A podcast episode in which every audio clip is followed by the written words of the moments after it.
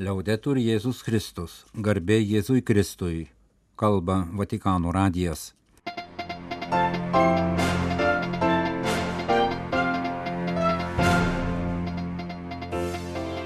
Malonus klausytojai, šioje trečiadienio Liepos 19-osios programoje popiežius susitiko su Vatikane stovyklaujančiais vaikais. Junktinių Amerikos valstijų prezidentas priėmė popiežiaus pasiuntinį. Vatikano atstovo Junktinių tautų organizacijoje kalba daryti viską, kad būtų nutraukta karo Ukrainoje tragedija. Pasirengimų pasaulio jaunimo dienoms komiteto pirmininkas lankėsi Ukrainoje, jaunų ukrainiečių širdys sužeistos, bet jos tvirtos tikėjimu. Kardinolo Semeraro mintys minint Šventojo Tomo Akviniečio kanonizavimo jubiliejų.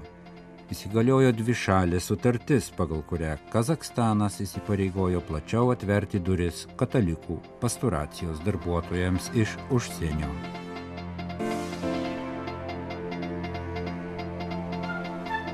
Antradienį popiežius Pranciškus susitiko su vaikais, dalyvaujančiais vasaros stovykloje Vatikane. Pirmiausia, Pranciškus atskirai pasikalbėjo su vasaros stovyklos organizatoriais ir auklėtojais, po to pasveikino šiomis dienomis Vatikane vykstančios vasaros stovyklos užsiemimuose dalyvaujančius vaikus. Pranciškus priminė jau netrukus minėsimą pasaulinę senelių ir pagyvenusių žmonių dieną ragino vaikus bendrauti su seneliais, skirti jiems laiko semtis iš jų gyvenimo išminties. Užsiminti ir apie pasaulio jaunimo dienas Lisabonoje, kuriuose rūpiučio pradžioje dalyvaus ir Pranciškus. Susitikimas baigėsi visų kartu sukalbėta tėvę mūsų malda ir popiežiaus suteiktų palaiminimu. Atsisveikindamas Pranciškus prašė vaikų atsiminti jį savo kasdienėje maldoje. Junktinių Amerikos valstijų prezidentas Joe Bidenas antradienį Liepos 18 dieną susitiko su popiežiaus Pranciškaus pasiuntiniu, Bolonijos arkivyskupu ir Italijos vyskupų konferencijos pirmininku kardinolu Mateo Zuppi. Prezidentas pasidžiaugė popiežiaus Pranciškaus sprendimu Junktinių valstijų arkivyskupą, vyskupų dikasterijos prefektą Robertą Francisą Prevostą paskirti kardinolu.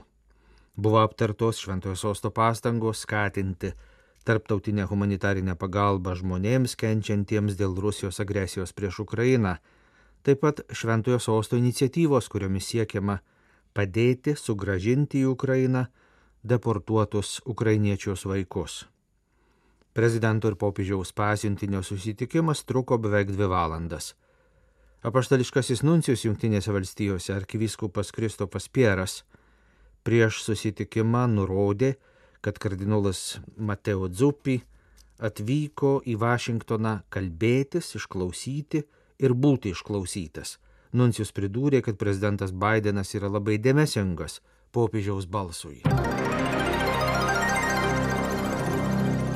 Šventojo sosto nuolatinis stebėtojas Junktinių tautų organizacijoje New York'e, arkivyskupas Gabrielė Kačia, dalyvavo ir pasakė kalbą antradienį Liepos 18 dieną vykusiame plenarinės asamblėjos posėdyje skirtame padėčiai rusų laikinai okupuotose Ukrainos teritorijose. Šventasis sostas ir toliau atidžiai seka padėti Ukrainoje, reiškia susirūpinimą dėl kraujo praliejimo, kartoja prašymą nutildyti ginklus, ragindamas visus tarptautinės bendruomenės narius ir politinius tautų vadovus daryti viską, kas įmanoma, kad karas būtų nutrauktas. Nuncijus pakartojo neseniai pasakytus popiežiaus pranciškaus žodžius, kad karas Ukrainoje, kaip ir visi karai, yra katastrofa tautoms ir šeimoms, vaikams ir seneliams, žmonėms priverstiems palikti savo šalį, miestams ir kaimams, taip pat kūrinėjai, kaip matėme po naujosios Kachovkos užtvankos sugriovimo. Šventasis sostas, dėkodamas pabėgėlius prieimusioms ir perkeltuosius asmenys Ukrainos viduje remiančioms valstybėms, prašo, kad ir toliau būtų teikiama humanitarinė parama, kol visi žmonės galės saugiai grįžti į savo namus. Šventasis sostas taip pat ragina dėti visas pastangas, kad būtų užtikrintas greitas šeimų, išskirtų dėl dabartinio smurto Ukrainoje, susijungimas, užtikrinant, kad visų pirma būtų rūpinamasi vaikų gerovę. Tarptautinė bendruomenė neturi susitaikyti su karu, bet turi visų bendromis pastangomis siekti taikos, sakė Šventojo sosto atstovas, atkreipdamas dėmesį, kad būtent dėl to popiežius Pranciškus kardinolui Mateo Dzupį patikėjo atsakomybę vadovauti misijoms, kurių tikslas - išklausyti ir skatinti humanitarinius gestus galinčius nukreipti taikos keliu. Kaip ragina popiežius Pranciškus, reikia skubiai panaudoti visas diplomatinės priemonės, taip pat ir tas, kurios iki šiol nebuvo naudotos, kad ši baisi tragedija būtų nutraukta.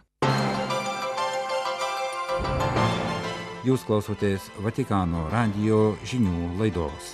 Tęsime programą.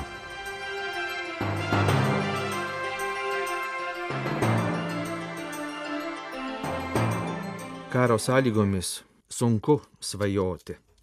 Tačiau jaunųjų ukrainiečių širdys yra kupinos drąsos ir džiaugsmo, sakė vyskupas Ameriko Gijaras, busimasis kardinolas ir pasirengimų pasaulio jaunimo dienoms komiteto pirmininkas šiomis dienomis lankęsis Ukrainoje. Vatikano radijui duotame interviu vyskupas pasakojo, kad lankydamasis Ukrainoje tris dienas, šeštadienį, sekmadienį ir pirmadienį jis turėjo keletą progų susitikti su jaunimu, ypatingą dėmesį skirdamas tiems jaunuoliams, kurie dėl vykstančio karo neturi galimybės keliauti į Lisabonoje vyksiančias pasaulio jaunimo dienas. Yra dvi pagrindinės priežastys, dėl kurių Ukrainos jaunuoliai, ypač vaikinai, negali keliauti į Portugaliją. Materialiniai sunkumai, negalėjimas padengti kelionės išlaidų ir ypač tai, kad šaukiamojo amžiaus vyrai, vykstant karui, negali išvykti iš šalies. Būsimasis kardinolas sakė, kad jis keliavo į Ukrainą popiežiaus pranciškaus paragintas nepamiršti jaunimo, kuris negali vykti į Lisaboną. Popiežius nori, kad viso pasaulio jaunuoliai žinotų, kad jie yra laukiami pasaulio jaunimo dienose. Jis taip pat prašo nepamiršti tų, kurie negali vykti. Kalbėdamas apie savo vizitą Ukrainoje, Ameriko Giaras sakė, kad nepaisant padėties rimtumo ir karo atnešto skausmo, jį per vizitą Ukrainoje lydėjo dvasinis džiaugsmas. Džiaugsmas, kad galėjo tiems jaunuoliams ir visai kenčiančiai Ukrainos tautai atnešti gyvojo Kristaus liudijimą. Ir džiaugsmas, kad surado gyvai Kristų ukrainiečių gyvenime, jų kančiose, jų sunkumuose, jų ašarose, mylimų brolių ir seserų gyvenime ir mirtyje.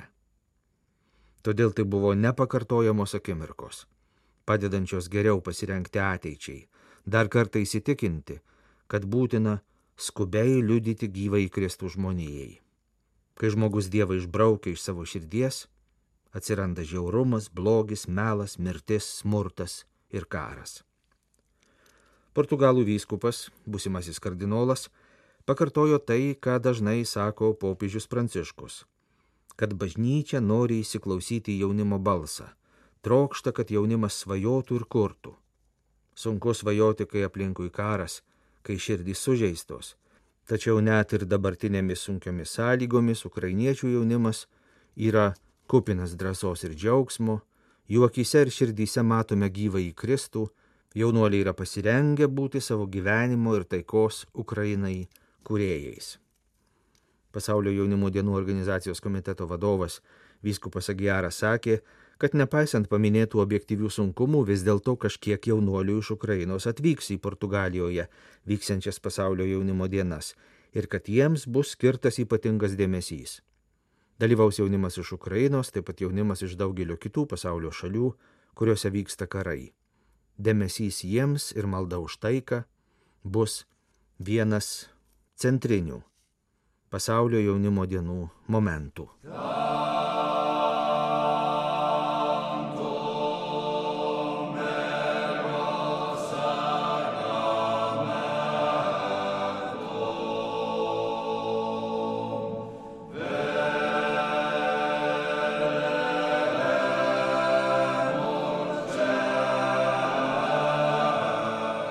Jūs klausotės Vatikano radio, tęsėme programą.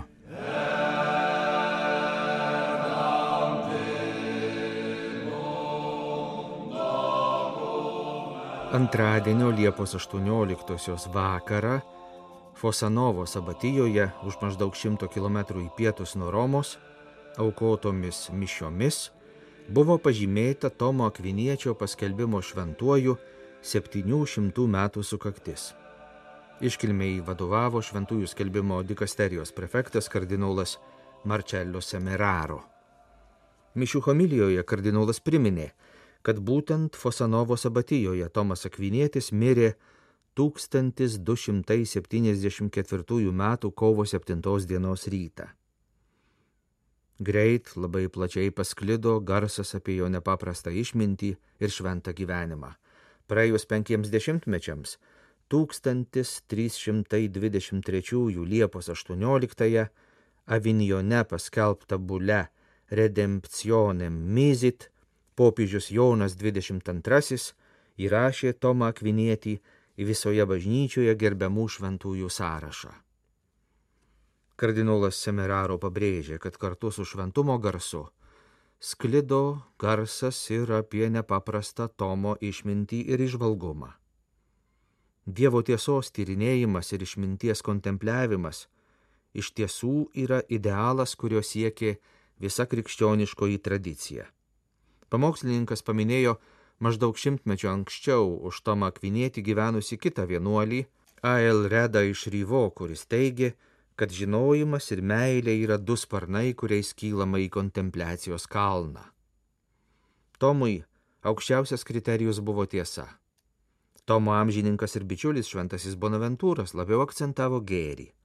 Tačiau abi šios prieigos yra to paties kelio, vedančio į susitikimą su Dievu aspektai.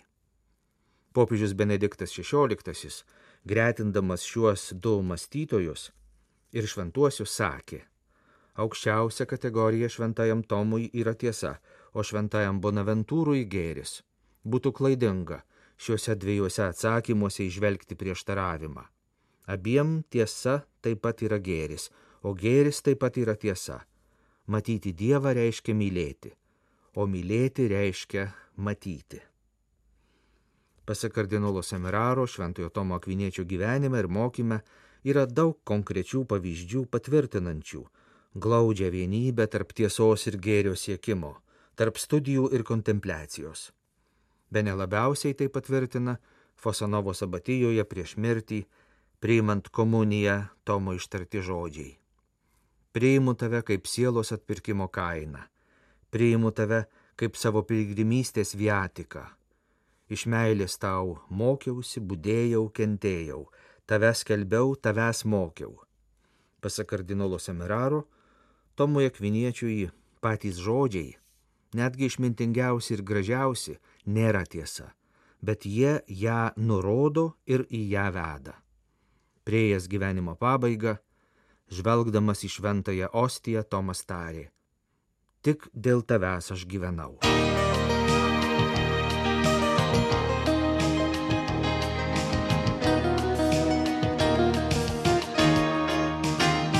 2022 metais Šventasis Sostas ir Kazakstanas pasirašė naują papildomą sutartį, pagal kurią Kazakstanas įsipareigojo plačiau atverti duris katalikų pasturacijos darbuotojams iš užsienio. Šių metų Liepos 19 dieną Šventojo Sostos spaudos salė informavo, kad jau atliktos visos papildomos susitarimo ratifikavimo procedūros, kitaip tariant, papildoma sutartis įsigaliojo tą pačią Liepos 19 dieną. Verta pažymėti, kad nauja sutartimi šalių atstovų pasirašyta 2022 m. rugsėjo 14 d. viena vertus papildyta 1998 m. rugsėjo 24 dienos sutartis dėl dvišalių santykių. Antra vertus simboliška tai, kad papildoma sutartis šalių atstovų pasirašyta Nursultane, Kazakstano sostinėje, popiežiaus Pranciškaus vizito į Vidurio Azijos šalį metu. Kaip jau minėta Vatikano radijo programuose, sutartimi supaprastinamos vizų išdavimo katalikų kunigams ir vienuolėms iš užsienio ir leidimo jiems įsikurti procedūros. Aštuoni sutarties straipsniai išplečia kai kurių 1998 m. pasirašytos dvi šalės sutarties normų galiojimą. Nauja sutartimi atsižvelgta į Kazakstano katalikams tarnaujančių dvasininkų stoką ir vietinės bažnyčios poreikį kviestis daugiau pasturacijos darbuotojų iš užsienio. Pasirašius papildomą sutartį Nursultane, Vatikano spaudos salė pažymėjo, kad pasirašytas dokumentas dar labiau sustiprina abiejų šalių - Šventojo sosto ir Kazakstano draugystės ir bendradarbiavimo ryšius. Dvišalę sutartį pasirašė Šventojo sosto ir Kazakstano diplomatijų vadovai. Polas Richardas Galageris Šventojo sosto sekretorius santykiams su valstybėmis ir tarptautinėmis organizacijomis ir Muhtaras Tiliauberdis, Kazakstano vicepremjeras ir užsienio reikalų ministras. Popiežius Pranciškus paskutinę vizito Kazakstane dieną 2022 m. rugsėjo 15 susitiko su bažnyčios Kazakstane atstovais ir vidurinės Azijos vyskupais. Klausėsi tikinčiųjų kunigo vienuolės pasaulietės ir pastoracijos darbuotojo liudyjimų. Popiežius visų pirma užtikrino, kad bažnyčioje nėra svetim šalių, nors beveik visi Kazakstano katalikai yra kilę iš skirtingų kraštų. Bažnyčios grožis glūdi tame, kad esame viena šeima, kurioje nėra svetimųjų. Esame šventoji Dievo tauta, praturtinta daugelio tautų. Visų mūsų pašaukimas - skelbti Jėzaus naujumą. Popiežius patikino, kad mažas vietinės bažnyčios narių skaičius tokioje didžiulėje šalyje gali sudaryti menką vertiškumo ir neadekvatumo jausmą, tačiau Jėzuje atrandame staigmeną.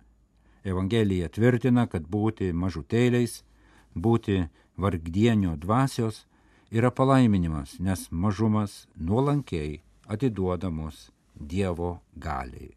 Skatina negrysti bažnytinės veiklos vien savo galimybėmis. Anot Pranciškaus tai yra malonė, mažosios kaiminės malonė. Nestiprumą rodyti, neskaičius, nestruktūras ar bet kokias kitas žmoniškos reikšmės išraiškas, o leistis būti viešpaties vedamiems kad su nuolankumu tarnautume kitiems. Būti niekuo turtingais ir viskuo vargšais, eiti su paprastumu, lydėti savo seseris ir brolius į visas gyvenimo situacijas nešant Evangelijos džiaugsmą.